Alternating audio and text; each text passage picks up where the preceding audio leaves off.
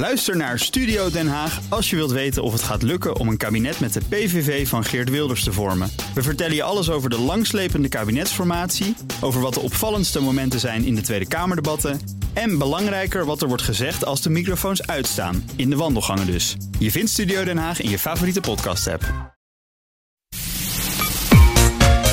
BNR in Europa, 2G-tournee. Welkom bij de 2G-tournee van BNR Europa, waarin ik, Geert-Jan Haan, Europa-verslaggever bij BNR, door diverse Europese landen reis op zoek naar verhalen die samenhangen met het nieuwe coronabeleid. Wat gaan we in Europa doen met die fragmentatie aan 2G, 2G+, 3G, verplichte vaccinaties? Wat doen we met al die nieuwe lockdowns? Hoe zorgen we ervoor dat we wel kunnen blijven reizen? En met name, hoe voeren we daar een goede discussie over? Daar ben ik naar op zoek in allerlei landen, zoals Oostenrijk, Frankrijk, Duitsland, Luxemburg, maar ook het Europees Parlement. En dit is een van die gesprekken. Bij wie zit ik aan tafel? Hey, je spreekt aan tafel bij. Uh, oh, sorry, je zit aan tafel. Je spreekt met Amris Bajou, uh, veldepidemioloog en uh, microbioloog. onder andere in mijn dagelijks werk werkzaam als directeur operationeel onderzoek en epidemiologie bij Artsen zonder Grenzen. Um, en assistent professor infectieziekte-epidemiologie bij de London School of Hygiene and Tropical Medicine. En mensen in Nederland hebben de afgelopen anderhalf jaar tijdens de coronapandemie jou ook leren kennen als lid van het Red Team. En je hebt, uh, in die tijd heb je ook in verschillende Europese landen gewoond en gewerkt. En verschillende inzichten gekregen. Waar heb jij de afgelopen anderhalf, twee jaar gezeten?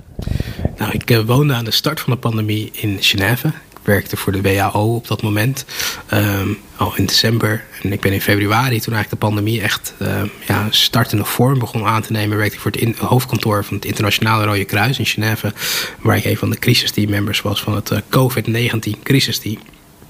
En ja, ik ben dus begonnen in Genève. Maar wat je veel ziet bij mensen die in Genève wonen, die wonen dan vaak over de grens in Frankrijk. Dus ik heb ook een poos in Frankrijk gewoond. Precies op het moment dat ze in Frankrijk die hele strikte, echte lockdown hadden. Waarbij mensen niet meer dan 100 meter van hun uh, woonplek mochten. En ik had toen net een nieuw huis en ik had nog geen internet. En ik wist, oké, als dit gaat gebeuren, gaat het nog maandenlang duren in het mooie Frankrijk voordat ik een internetverbinding heb. En mijn vriendin woont in Nederland. Dus dan heb ik eigenlijk uh, de Nederlandse lockdown in die eerste golf van heel dichtbij vanuit Amsterdam meegemaakt. Um, in het najaar zijn we verhuisd naar Noorwegen. Dus daar hebben we gewoond. En in, um, ik even goed zeggen, september zijn we verhuisd naar Luxemburg, waar we nu dus zitten. Dus ik heb in al die landen wel een, een aardig hapje kunnen meekrijgen van hoe mensen de crisis in die verschillende landen ervaren. Um, en hoe het beleid daar werd ingericht, hoe er werd gecommuniceerd, um, hoe het sociale leven wel of geen doorgang vond. Ik ben deze week door een aantal Europese landen aan het reizen. Totaal onvergelijkbaar met dat jij in anderhalf jaar tijd in een aantal landen hebt gewoond. En dat je daar dus heel veel kennis uit hebt opgedaan. Maar laten we, voordat we het over Europese landen hebben, laten we het eerst even hebben over het thema. Uh, het debat dat eigenlijk in Nederland deze week oorspronkelijk gevoerd zou worden over 2G, 2G, 3G, 1G. Wat werkt nou wel, wat werkt nou niet? Ik ben gaan kijken hoe dat in andere landen nou in ieder geval bediscussieerd wordt. En ik ben er nog niet helemaal over uit of dat nou echt goed is gegaan. Kan jij in, in jouw woorden allereerst uitleggen um, wat het nou precies is? Uh, 2G of 3G of 2G plus. Dus niet zozeer genezen of gevaccineerd, maar hoe zou je het kunnen omschrijven? Nou ja, eigenlijk is het een, een set van maatregelen waarbij je zegt we gaan. Um het infectierisico bij bepaalde populaties uh, verlagen. dus als je het hebt over 2G, dan maak je duidelijk een onderscheid. Uh, bijvoorbeeld aan mensen die uh, of gevaccineerd zijn of een infectie hebben doorgemaakt. Nou, die mogen wel doorgang vinden in het normale leven met mensen die ongevaccineerd zijn. of inderdaad nog geen infectie, natuurlijke infectie hebben doorgemaakt, mogen dat niet. Het idee achter deze maatregelen, en dan laat ik er even in het midden van wat ik daar precies van vind, um, is dus heel erg dat je mensen met um, een ernstige risico, of een hoger risico op het uitkomst van ernstige ziekte. Die onttrek je uit de populatie. Um, maar die onttrek je ook in de populatie dat ze in, in de trant van besmettingen kunnen doorgeven. Uh, op risicolocaties. Hè. Dus de manier van implementatie van zo'n maatregel, daar kun je ook kiezen. Dat is ook een discussie in Nederland bijvoorbeeld. Zet je dat alleen in de horeca? Zet je dat ook bijvoorbeeld in op, op musea? Nou, dat maakt ook nog wel eens een verschil wat mogelijk de impact van zulke maatregelen zou kunnen zijn. Dus eigenlijk is een maatregel die mogelijk is geworden omdat we vaccins hebben. Um, in het geval van 3G, omdat je bijvoorbeeld testen hebt, sneltesten, waarmee je dus veel meer wapens in het arsenaal hebt, waarmee je bepaalde maatregelen op maat zou kunnen maken. Want ik was deze week op een kerstmarkt in Zuid-Duitsland. Dan moest ik eerst een app downloaden of gebruiken voor mijn contactgegevens. Dus dat heeft dan met contact- en brononderzoek uh, te maken, mocht er iets misgaan. Ik moest een QR-code laten zien. Ik uh, moest de kerstmarkt op in de buitenlucht met een mondkapje. En er werd op een gegeven moment die week ook van 2G werd er 2G plus ingevoerd. Dus ook nog met een negatieve test laten zien. Ook al ben je gevaccineerd of genezen. En jij hebt eerder vanavond in, in ons voorgesprek dat omschreven als, als dijken bouwen, uh, barrières.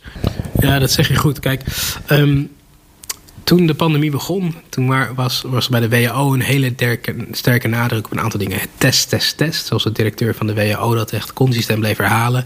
Maar dat paste in de strategie van test, trace en isolate. Oftewel, je laat je testen, je bent traceerbaar en je kunt jezelf in isolatie plaatsen wanneer je positief bent. Kijk, het idee daarachter is dat je eigenlijk de kettingen van besmettingen onderbreekt. Um, maar nu we inmiddels ook weer sneltesten in het arsenaal hebben en de vaccins in het arsenaal hebben, kun je daar natuurlijk ook van alles mee doen. Wat we dan noemen de dijken van het beleid bouwen. En voor mij blijven de fundamentele dijken blijven altijd inderdaad onder dat test, trace en isolate staan. Namelijk het bronnen-contactonderzoek en het laagdrempelige testen. combinatie van de twee is eigenlijk de essentiële dijk van het beleid. Maar ook als je andere maatregelen hebt, zoals de verschillende G's, zou je kunnen zeggen dat zijn maatregelen die je langer in stand houdt. Waardoor je dus niet het water ziet overstromen. En daar gebruik ik altijd synoniem voor van dat er heel veel besmettingen in de gemeenschap zijn. Um, waardoor je eigenlijk geen controle meer hebt. En dat is eigenlijk het overvloeien van de dijken. Dat is een fase waar we nu in Nederland ruimschoots in zitten. Hoe uh, zijn de dijken in uh, Luxemburg? Hier wordt met 3G gewerkt? Uh, Luxemburg um, is een beetje speciaal in dat geval. Want de besmettingen lopen hier ook op. Luxemburg is ook een land wat uit heel veel ja, sub-eilanden bestaat. Um, heeft een hele grote internationale gemeenschap. Zo'n beetje 40 40% bijna van de mensen hier komt van buiten Luxemburg. Um, en dat zijn ook echt eilanden, om het zo maar te zeggen. Wat je in Luxemburg ziet, is dat bijvoorbeeld het uh, QR-systeem, uh, waarbij mensen hun pasjes, of sorry, hun, hun barcodes, QR-codes moeten laten zien voordat ze de horeca inkomen, is uh, heel erg sterk aanwezig. Um, daar is ook heel weinig uh, geluid over geweest van ondernemers. Iedereen vond het eigenlijk al lang prima dat ze inderdaad zo'n dijk hadden, waardoor ze gewoon open konden. En waardoor het leven nou ja, eigenlijk best wel goede doorgang kon vinden. Um, een ander ding wat hier heel belangrijk is geweest, is dat de mond-neusmaskers bijvoorbeeld hè, van, van goede kwaliteit altijd um, ja, gehandhaafd zijn gebleven, ook in het OV. Maar ook op andere plekken is dat, als je hier de supermarkt ingaat, ja, je komt niet binnen zonder, om het zo maar te zeggen. En dat is geen enkel probleem. Er is niemand die daar ja, heel veel geluid over maakt. Of uh, waarbij je de talkshowtafels elke avond uh, vol ziet met, met ja, zogenaamde voor- en tegenstanders.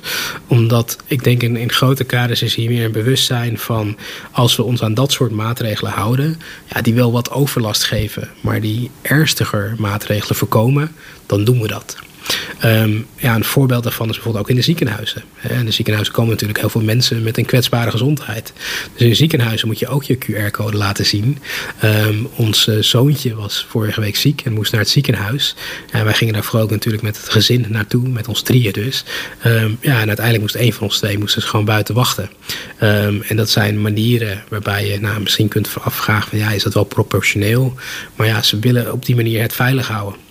Je hebt ook in andere landen dan, dan gewoond. Heb je daar iets van, van discussie of debat meegemaakt over uh, hoe ver moeten we gaan met dijken bouwen?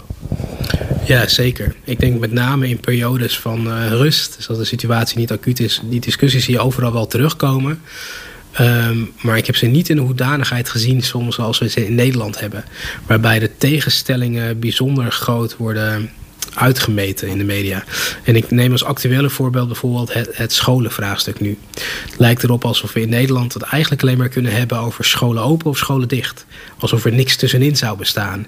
Waarbij iedereen zegt van ja, voor iedereen hoop ik is het belangrijkste wat open moet blijven zijn de scholen. En dan kies je dan in Nederland voor eigenlijk om alles open te houden. Dat kan helaas niet, hè. daar zien we nu de consequenties van. Maar zelfs als je zegt van scholen zijn belangrijk om open te houden, kun je daar toch maatregelen nemen die het infectierisico dusdanig verlagen waardoor kinderen op een veilige manier naar school kunnen en je eigenlijk infecties uit de brandhaarden van scholen ook probeert te vermijden. Um, in Nederland wordt de discussie we doen de discussie van vorig jaar fijntjes nog eens een keer over dit jaar. Uh, precies op dezelfde manier gevoerd. Alsof we niks hebben geleerd in dat jaar. Van dat er inderdaad heel veel mogelijkheden bestaan tussen zaken compleet open of zaken compleet dicht. Het probleem is dat je nu in Nederland in een dusdanige acute situatie zit. Waarbij je vrij snel afstevend op een code zwart in de zorg. Dat je die luxe ook niet meer hebt. Hè? Dus dat je wel gewoon strenge maatregelen zou moeten nemen. Um, en zelfs dan loop je op dit moment wellicht nog op een code zwart af.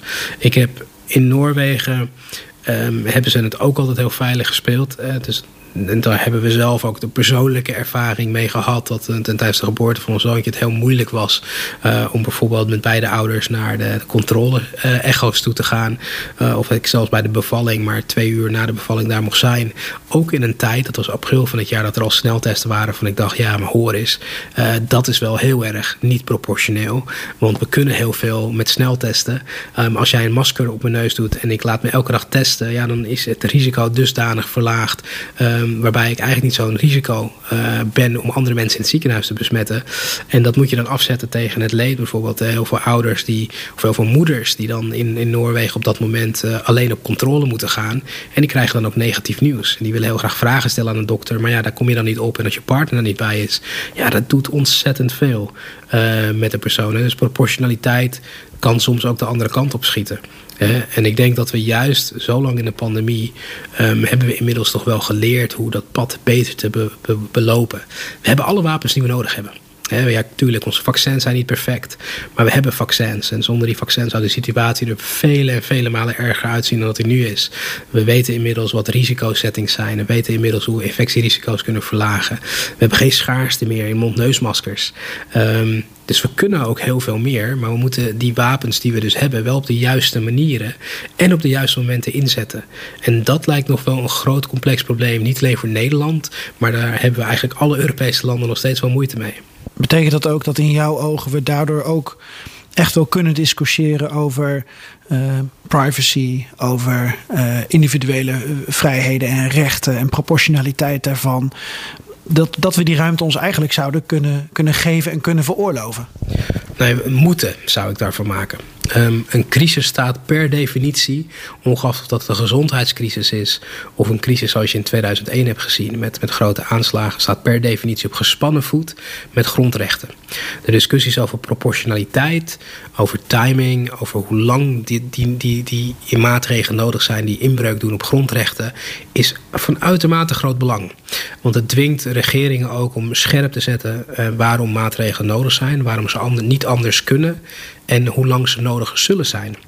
Um, en als je dat niet hebt, dan loop je dus vaak het risico dat crisis, en dat hebben we ook in het verleden gezien, misbruikt kunnen worden. En dat zien we ook ten tijde van de coronacrisis, bijvoorbeeld meer in Oost-Europa, om allerlei dubieuze wetgevingen er heel snel doorheen te duwen. Daar moet je in een democratie, een gezonde democratie, altijd voor waken. En daar moet je altijd over kunnen spreken. Maar dat betekent niet dat we dan op een gegeven moment zeggen van ja, het staat nu dusdanig op gespannen voet uh, met grondrechten. We gaan helemaal niet maatregelen nemen die nu nodig zijn. Want de consequentie daarvan is bijvoorbeeld dat je nu terechtkomt in bijvoorbeeld een code zwart. Waarbij je bijvoorbeeld eindeloos had kunnen discussiëren over 2G. Maar uiteindelijk niet de stappen neemt die nodig zijn om je zorg, mensen in de zorg te beschermen. Hè? Want het gaat niet alleen over het beschermen van de maatschappij.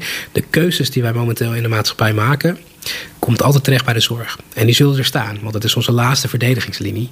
En die zorg die loopt gigantische klappen op. En de zorg is niet alleen van mensen die corona krijgen. De zorg is van ons allemaal. Als je zorg omvalt, ja, als beschaafd land... Um, hè, zoals we dat graag willen klassificeren, ben je eigenlijk um, ja, ethisch dubieus bezig, denk ik. Hè, als je daarop laat aankomen. Omdat er nu, hoe dan ook, lastige keuzes in de zorg gaan moeten worden gemaakt. Hè, als er een code zwart afgekondigd wordt, is de vraag niet van hey, kiezen we voor die patiënt of die patiënt. Nee, allebei de patiënten komen niet in aanmerking. Um, zo simpel is dan die keiharde realiteit. En dat zijn keuzes, hele moeilijke keuzes, die artsen dan zullen moeten maken, die ze in veel gevallen nooit hebben hoeven maken in een welvarend land als Nederland. Maar daarmee geef je ook aan dat uh, als je een discussie hebt, bijvoorbeeld over 2G, nou ook Angela Merkel heeft gezegd, het werkt niet, niet op dit moment vanwege de enorme hoge incidentie, dan heeft het geen zin. Wat is dan wel een goed moment om zo eens te bediscussiëren? Had dat überhaupt deze anderhalf jaar wel ergens gekund? Zeker. Um, op een moment van relatieve rust. Dus als, als de dijken nog niet overstromen. Dus dat betekent dat wanneer je transmissie hebt, die we nog, um, laten we even een andere metafoor gebruiken, in kleine brandhaartjes her en der zien. Uh, wanneer je bron- en contactonderzoek nog goed functioneert, wanneer je testcapaciteit niet overbeladen is, dat betekent dat je nog relatieve controle hebt over het aantal besmettingen in je land. Um, zodra uh, het water dusdanig is dat de dijken overstroomd worden, dan kun je niet anders dan hele zware maatregelen nemen. Maar voor die tijd, en dat, dat is ook mijn advies, als je nu een zware lockdown zou nemen, ja, die lockdown moet zich uitspelen. Daar kunnen we niet veel meer aan doen. Die maatregelen gelden, die worden gehandhaafd en de curve gaat weer naar binnen. Dat is een uitermate goed moment om, en dat moet je eigenlijk nu ook al mee beginnen, om na te denken over wat gaan we nou zo direct aan additionele maatregelen overhouden om te zorgen dat we dan inderdaad die grote klap hebben gegeven, waarmee besmettingen naar beneden zijn gegaan, maar wellicht nog niet op een acceptabel niveau zitten. Het definiëren van een acceptabel niveau is ook heel belangrijk. Welke maatregelen gaan we nou handhaven? Zijn dat de basismaatregelen? Ehm, is dat een 2G-systeem? Is dat wat dan ook? Op dit moment is de G-discussie, en ik heb dat op verschillende plekken ook al gezegd, bijzonder afleidend op de acute maatregelen die we moeten nemen, want zal in geen enkele definitie zullen een van de G's op zichzelf voldoende zijn om de curve nu te keren. Daar is veel meer voor nodig. Nou, dan een andere, vaccinatieplicht. In Oostenrijk hebben ze gezegd dat gaan we doen vanaf 1 februari volgens mij. Zuidelijke deelstaat in Duitsland, uh, daar hebben de minister-presidenten nu ook een, een, een soort ingezonden brief geschreven. En daar wordt nu ook over nagedacht. Maar daar staat nu ook het water aan de lippen. Is dit dan ook het moment of juist niet, om het over die vaccinatieplicht te hebben. Puur van, los van wat je ervan vindt of niet, hè? Nou ja, wat ik ervan vind, ik, ik, ben, niet, ik ben geen voorstander van vaccinatieplichten. Ik vind dat mensen tot een, een vrij extreme mate zelfbeschikkingsrecht verdienen in dat opzicht. Maar het is wel het juiste moment, um, hoe dan ook, om het gesprek te hebben. Omdat je ook ziet dat men de huidige pandemie als een pandemie van de ongevaccineerden probeert te framen. Dat is niet helemaal waar. Op dit moment bestaat de druk in de zorg uit twee groepen. Grotendeels inderdaad ongevaccineerden, maar ook mensen voor wie de vaccins minder goed werken, omdat ze die misschien al lang geleden hebben gehad um, en daar misschien minder goed op reageren en een derde prik nodig hebben. Um, dat betekent dus dat een van de belangrijke lessen uit crisismanagement is dat je de mensen die zeg maar het negatieve onderwerp zijn, en in dit geval de ongevaccineerden, dan moet moet je nooit extra stigma op, uh, op, op, laten. Daar moet je nooit schuld op afschuiven. Want als je dat doet, ja, het enige wat er dan gebeurt is dat je ze alleen maar meer de hak in het zand laat zetten. En dat beweegt niet. Kijk, je kunt natuurlijk zeggen van oké, we gaan een plicht invoeren. Nou, misschien bereik je met een plicht uh, eh, 10% meer gevaccineerden. Maar je riskeert zeker in het spanningsveld op dit moment in de maatschappij uh, ook meer input in de meer populistische stromen. En dat is ook iets wat je natuurlijk, uh, waar je rekening mee moet houden. Omdat de impact van zo'n langdurige crisis zit met name in de gezondheid in het begin. Maar je zult ook zien naarmate een crisis langer duurt en hij niet optimaal gemanaged wordt, dat um, ja, hij flinke consequenties kan hebben voor na de acute fase. Hè. Dus destabilisatie van maatschappijen, uh, groei van populistische sentimenten in de maatschappij. Dat zijn allemaal zaken die natuurlijk ook meespelen. Dat is ook wat je ziet hè, natuurlijk in, uh, nou ja, bij de avondklokrellen, maar ook in de meer recente rellen. Dat hij zaken in je achterhoofd moet houden. Kijk, waar ik op dit moment veel meer in zie, is dat de communicatie over vaccinbereidheid meer in de haarvaten van de maatschappij gaat zitten. En dat is keihard werken. Dat weet ik uit ervaring. Uh, uit de vele crisis waar ik zelf ook in heb gewerkt. Um, maar dat is wel nodig. En dat doen we nog niet optimaal.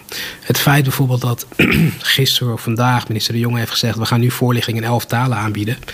Ja, dat is een mooi inzicht en dat is een mooi gebeuren. Maar dat, ook dat is rijkelijk te laat. Dat had al veel eerder moeten gebeuren. Omdat we weten dat Nederlands niet per se de voertaal is... die heel veel mensen in die hoedanigheid machtig zijn. Um, maar ook gemeenschapsinitiatieven. Hè, waar bijvoorbeeld GGD's en huisartsen al heel veel werk omheen doen. Ja, dat moet je intensificeren. En dat is hard werk. Dat is soms heel ondankbaar werk. Want je krijgt ook wel een partij shit over je heen. Hè, zoals we hebben gezien met de bedreigingen van mobiele vaccinatiepunten en dergelijke.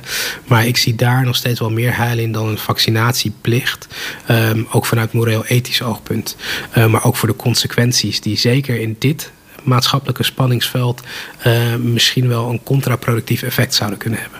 Het is wel zo dat jij nu in Luxemburg woont en dat je eerder in Zwitserland hebt gezeten. Dus die uh, meertalige uh, uitnodigingen, die heb je waarschijnlijk al wel gezien. Maar zijn, er, zijn dat nou wel voorbeelden of zijn er andere voorbeelden uit Europese landen waar we veel meer naar zouden kunnen kijken om niet telkens dat wiel zelf uit te vinden? Ja, kijk, een van de landen, de landen die het met name goed hebben gedaan als het gaat om, om vaccinatiegraad, uh, zijn bijvoorbeeld landen als Denemarken en, en uh, Noorwegen. Um, ik ga even Denem, op Denemarken inzoomen, omdat ik daar goede collega's heb gewerkt die bijvoorbeeld hebben gewerkt aan de zogenaamde HPV-vaccinaties. Dat zijn vaccinaties die bedoeld zijn om baarmoeder, halskanker, wat dan ook door een virus wordt uh, veroorzaakt. Met name bij jonge vrouwen, eigenlijk kinderen in de puber, vroege puberteit, om hun te vaccineren, zodat het risico daarop um, gigantisch verlicht wordt. Nou, dat is inmiddels ook bewezen. Hè. Ze zien de incidentie van dat soort kanker heel duidelijk dalen door die vaccinatiecampagnes. Maar wat ze in Denemarken heel erg sterk hebben ingesteld, is dat hey, dit is een vaccin wat we moeten adviseren voor iets wat er nog niet is dus het is niet een, ziekte die heel duidelijk op de radar van iedereen staat, maar die zeker wel is. En als je die krijgt, vaak ook rampzalige gevolgen heeft. Um, en daar hebben ze dus op twee manieren ingestoken. Enerzijds door heel gericht te communiceren richting jongeren en hun ouders. Um, en dan heb ik het niet alleen over nou ja, grote publiekscampagnes, maar ook echt gekeken van oké, wat zijn er verschillende doelgroepen in de maatschappij waarbij we vaccin-scepticisme kunnen verwachten.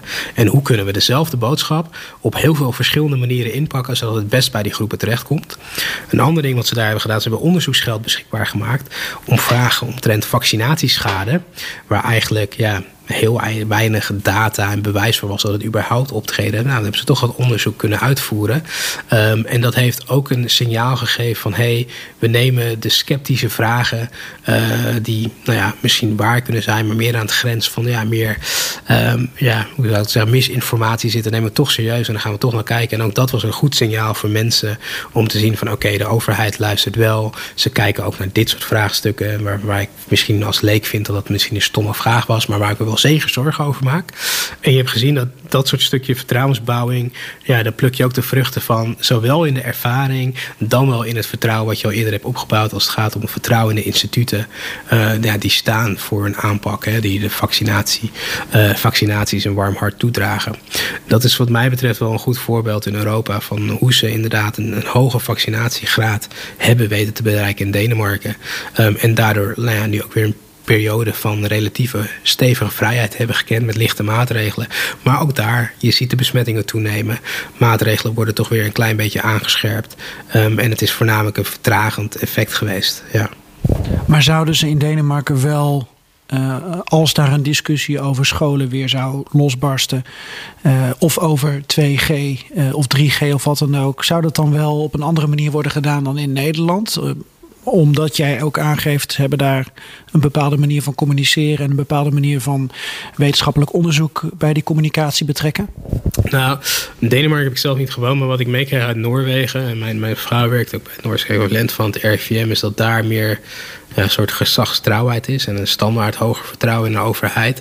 Maar een van de dingen die bijvoorbeeld in Noorwegen mij ook heel erg aansprak, is dat hoe ze communiceerden met de bevolking. Dus we hadden bijvoorbeeld op een gegeven moment elke week bijna een persconferentie. En dat was dan niet een persconferentie omdat de pers elke keer iets nieuws aan te kondigen viel, maar meer in het kader van: hey, dit is nu de huidige situatie. En wat je gelijk zag na de persconferentie, is dat iedereen een sms'je op zijn telefoon kreeg. Uh, waarbij staat van hey, um, de corona is nog steeds heftig en we moeten dit samen doen. En de tweede regel is een linkje. Waarin iedereen heeft een smartphone. Kon je klikken. Ik ging naar een hele simpele webpagina toe. Stonden nog eens alle coronamaatregelen heel begrijpelijk met plaatjes op een website. Ja. Um, het zijn dat soort simpele dingen in de communicatie die mensen ook minder in een vacuüm laten varen van hé, hey, wat, is nou, wat is nou precies de maatregel? Uh, of wat is nou precies de uitzondering op de maatregel? Zou dat voor Nederland werken? Zouden niet heel veel Nederlanders zeggen waar bemoeit die overheid zich mee? Uh, ik, mijn ervaring is dat het in elk land werkt. Het zou ook in Nederland kunnen werken. Maar leiderschap volgt. Men, men volgt leiderschap. Dat betekent dat als je goed leiderschap hebt, dan volgen mensen dat. Dat is een inspiratiebron. Als je minder goed leiderschap hebt, ja, dan volgt dat ook. Hè. Zoals het befaamde gezegde, lead by example, volg bij voorbeeld. En daarom moeten we toch ook erkennen dat uh, stunk, stuntelige acties in de Nederlandse politiek. Hè. De eerste persconferenties waar Rutte dan toch per ongeluk Jaap van Dissel een hand geeft. Terwijl hij net heeft gezegd dat we geen handen meer mogen schudden. Uh, Fred uh, Gapper, Gapperhaus die dan op een gegeven moment een belachelijk liedje over mondneusmaskers zingt. Terwijl we in Nederland mondneusmaskers überhaupt ook vanuit wetenschappelijk oogpunt nooit serieus hebben genomen. Ja, dat doet afbruik. Dat maakt een parodie van een crisis wat zeker geen parodie is. zo gaan mensen zich dan ook gedragen in die vrijblijvendheid. Um, politiek en leiders moeten functioneren als voorbeelden. Um, helaas is dat ook een zware taak voor leiders, dat je vaak ook gewoon moet leiden als voorbeeld. Hè? Um, en dat nou, met leiden bedoel ik het voortverschrijdend leiden, um, niet in de negatieve zin leiden. Omdat jij daar staat als een voorbeeldfunctie en jouw gedrag zal mensen ook inspireren en dat kan alle kanten op werken. Maar dan nog even terugkoppelen naar de landen waar ik ben geweest, waar dan bijvoorbeeld die vaccinatieplicht nu. Uh in ieder geval in Oostenrijk gaat, de, gaat er komen. En in Zuid-Duitsland uh, willen ze dat en, en zit die kans er ook wel in.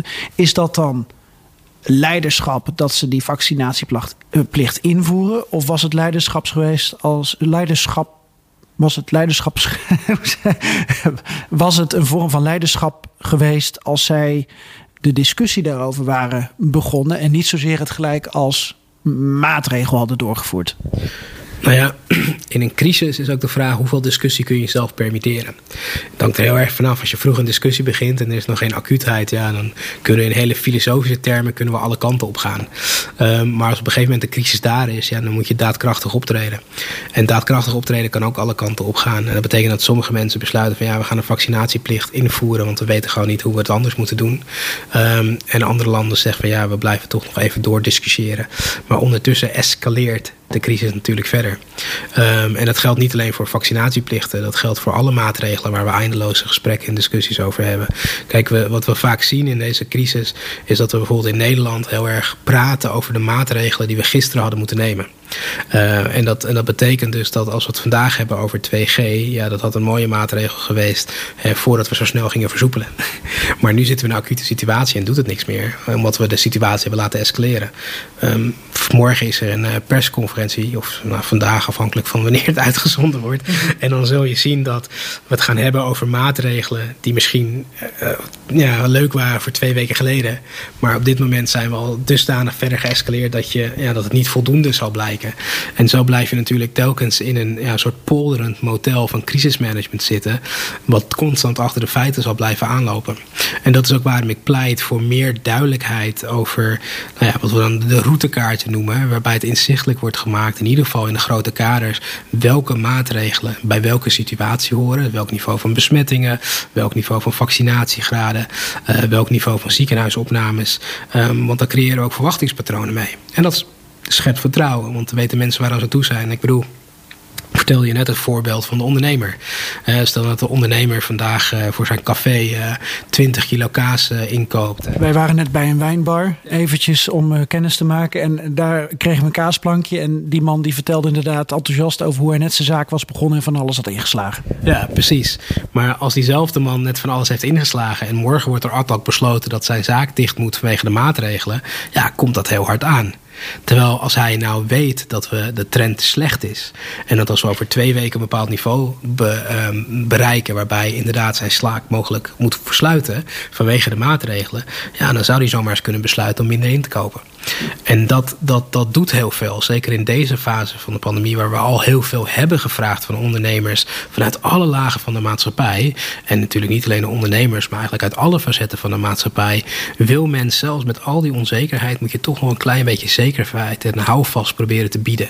En zo'n routekaart kan dat doen. Dat doet Duitsland natuurlijk in, bijzondere mate. Kijk, ze hebben daar 2G ingevoerd. En de dijken, of ja, het water is ruimschoots over de dijken gegaan. Dus 2G is niet meer voldoende. Maar ze hebben wel voor 2G duidelijk gesteld van hey, als wij onder de, nou, het equivalent van in Nederland 4000 infecties op populatieniveau zitten op dagelijkse basis, dan hebben we geen 2G meer nodig. dat zijn de kaders die ook voor mensen inzichtelijk maken waar ze het nou eigenlijk voor doen, maar ook wanneer ze er mogelijk wel weer af zijn. Ik heb even gesnuffeld in Oostenrijk, in het zuiden van Duitsland, uh, in het Europees Parlement in Straatsburg.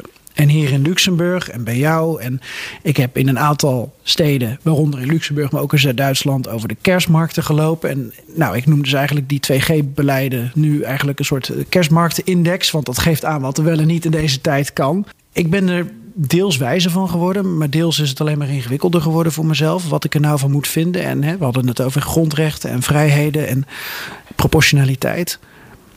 Als ik nou nog een keer zo'n reis maak in Europa, waar, waar zou ik volgens jou naartoe moeten om eh, een, een ander beeld of een beter beeld of een bediscussieerd beeld hiervan te krijgen? Of meerdere landen misschien? Meerdere landen. Ik denk dat we van alle landen kunnen we wel wat leren. Ook van Nederland kunnen we het een en ander leren. Um, nog even bedenken wat dat precies is. Uh, maar um, Kijk, er zijn complexiteiten. Wij proberen het constant landen met elkaar te vergelijken. Maar landen zijn geen constanten. Als je bijvoorbeeld vandaag kijkt wat de maatregelen in Oostenrijk zouden zijn. Of in Spanje, ja, dat kan morgen compleet anders zijn. Uh, dat hebben we ook in Nederland gezien. De maatregelen veranderen van dag tot dag omdat de situatie zo erg verandert. Um, de, wat, wat er aan daadkracht wordt getoond is ook heel erg afhankelijk van de politieke wind die er waait. Dat, dat zie je ook natuurlijk consistent terug. Um, een van de dingen die ik altijd zeg is dat de crisis er heel anders had uitgezien als we als Obama president was geweest in Amerika. En de reden daarvoor is omdat het CDC, het Amerikaanse RVM, is altijd een heel sterk toonbeeld geweest van hoe je publieke gezondheid bedrijft. En heeft altijd een heel sterk globaal leiderschap gehad in hoe je crisissen moet aanpakken. Alleen onder de Trump-administratie zijn ze bijna 50% in hun budget uh, gedownsized. Dat betekent dat die kennis is er gewoon vaak niet meer of die ontbreekt er heel erg. Um, en dat is eigenlijk precies de vraag. Als je vraagt naar welke landen je naartoe moet, zou moeten gaan, zeg ik ja, neem ook eens een kijkje buiten Europa. Ga eens in Zuid-Korea kijken, wat ook een democratisch land is, maar wat er wel voor heeft gekozen om die dijken van het beleid, zoals het test, trace en isolate beleid, heel serieus aan te pakken vanaf het begin. Dat is geen uh, gezagstrouwe staat, zoals sommige Nederlandse experts wel zeggen. Dat zijn mensen met een zeer uitgesproken mening ook, uh, maar die hebben er wel voor gekozen om deze crisis heel anders aan te pakken. En dat is toch best een goed voorbeeld ook wel gebleken. Dus ook buiten buiten Europa moeten we durven kijken. En met in achtneming dat we niet landen altijd één op één kunnen vergelijken. Um, en dat we daar ook zeker voorzichtig mee moeten zijn. Waar een van de fundamentele lessen altijd zal blijven in infectieziekte-uitbraken. Reageer vroeg, reageer op tijd, want daarmee voorkom je escalatie. Um, want elke keer dat je dat niet doet, dan moet je gaan grijpen naar zwaardere maatregelen. En dat noemen we het missen van de windows of opportunity. En dat is iets wat we nu in Nederland uh, zes golven lang hebben gezien, uh, maar ook in heel veel andere landen in Europa. Kan ik nou nog iets leren van Luxemburg? Dat is een goede vraag. Ik. Um, ik denk dat Luxemburg is een heel aparte mengelmoes van alles. Maar ik denk dat ze in Luxemburg wel een beetje op dit moment hebben geprobeerd om de balans te vinden tussen toch nog wat maatregelen en nog wat dijken opbouwen. En toch nog wel een, een goede doorgang van het leven. Maar zoals ik al eerder zei, Luxemburg bestaat uit heel veel eilanden. Uh, juist door de culturele diversiteit. En waarbij je ziet dat bijvoorbeeld, nou ja, op mijn werk heb ik dan kunnen zeggen van hé, hey, wij nemen nu maatregelen en gaan thuiswerken. Maar je kan bij andere bedrijven kijken en daar is dat nog niet het geval. Um, dus Luxemburg is een, vooral een hele grote variëteit voor een klein land dat het is natuurlijk met een kleine populatie. Um, het is ook een niet zo relatief heel dicht bevolkt land, om het zo maar te zeggen. Dus ja, daar, daar zien de cijfers er ook altijd wat anders uit. Ja. Jij zegt dus wel dat Luxemburg bezig is met het zoeken naar die balans tussen uh, accepteren dat er altijd besmettingen in deze fase van de pandemie nog zullen zijn en het leven door laten gaan. Ja, en dan moeten we allemaal naar op zoek. Want dat COVID endemisch wordt, dus dat COVID altijd met ons zal zijn, is een feit. De vraag zal moeten zijn van hoe endemisch willen we het hebben. Hè? Dus hoeveel COVID vinden wij acceptabel? Wat heel erg in relatie staat met wat voor maatregelen vinden we acceptabel. Maar ook wat vinden we acceptabel als het gaat om mortaliteit in onze samenleving. Kijk, als, als de politiek en de maatschappij dat soort kaders willen schetsen, wat daar ook ligt, dan kan de wetenschap beantwoorden met wat voor maatregelen we dan zouden kunnen hebben om dat mogelijk te maken. Of wat we zouden moeten doen om dat mogelijk te maken. Maar als de politiek en de maatschappij die kaders niet schetsen, omdat het constant over de kleine puzzelstukjes gaat, namelijk de, de G's of de individuele maatregelen, ja, dan wordt het heel lastig. Dus de vraag op dit moment is met name hoe endemisch willen we COVID hebben. Dat het endemisch wordt is een gegeven. En dat zijn belangrijke en fundamentele vragen op de weg uh, naar voren. En eigenlijk is Luxemburg misschien onbewust daar dus nu mee bezig. Ja, alleen niet op een hele gestructureerde manier. Maar ze zijn er indirect inderdaad wel, uh, wel mee bezig. Hè. Ik denk dat hier zie je natuurlijk dat dat, dat QR-systeem is al heel erg breed omarmd. Maar besmettingen lopen hier ook gewoon op. Uh, het is een kleiner land, dus je ziet het misschien niet zo snel in de ziekenhuiscijfers terug. Maar het is een kwestie van tijd voordat het hier ook zal toenemen.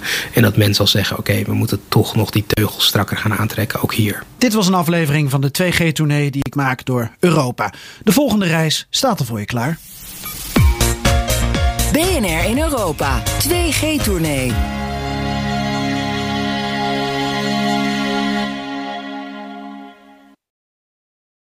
Ook Thomas van Zeil vind je in de BNR-app. Je kunt live naar mij luisteren in Zaken doen. De BNR-app met breaking news, het laatste zakelijke nieuws... en je vindt er alle BNR-podcasts, bijvoorbeeld Het Nieuwe Geld. Download nu de gratis BNR-app en blijf scherp.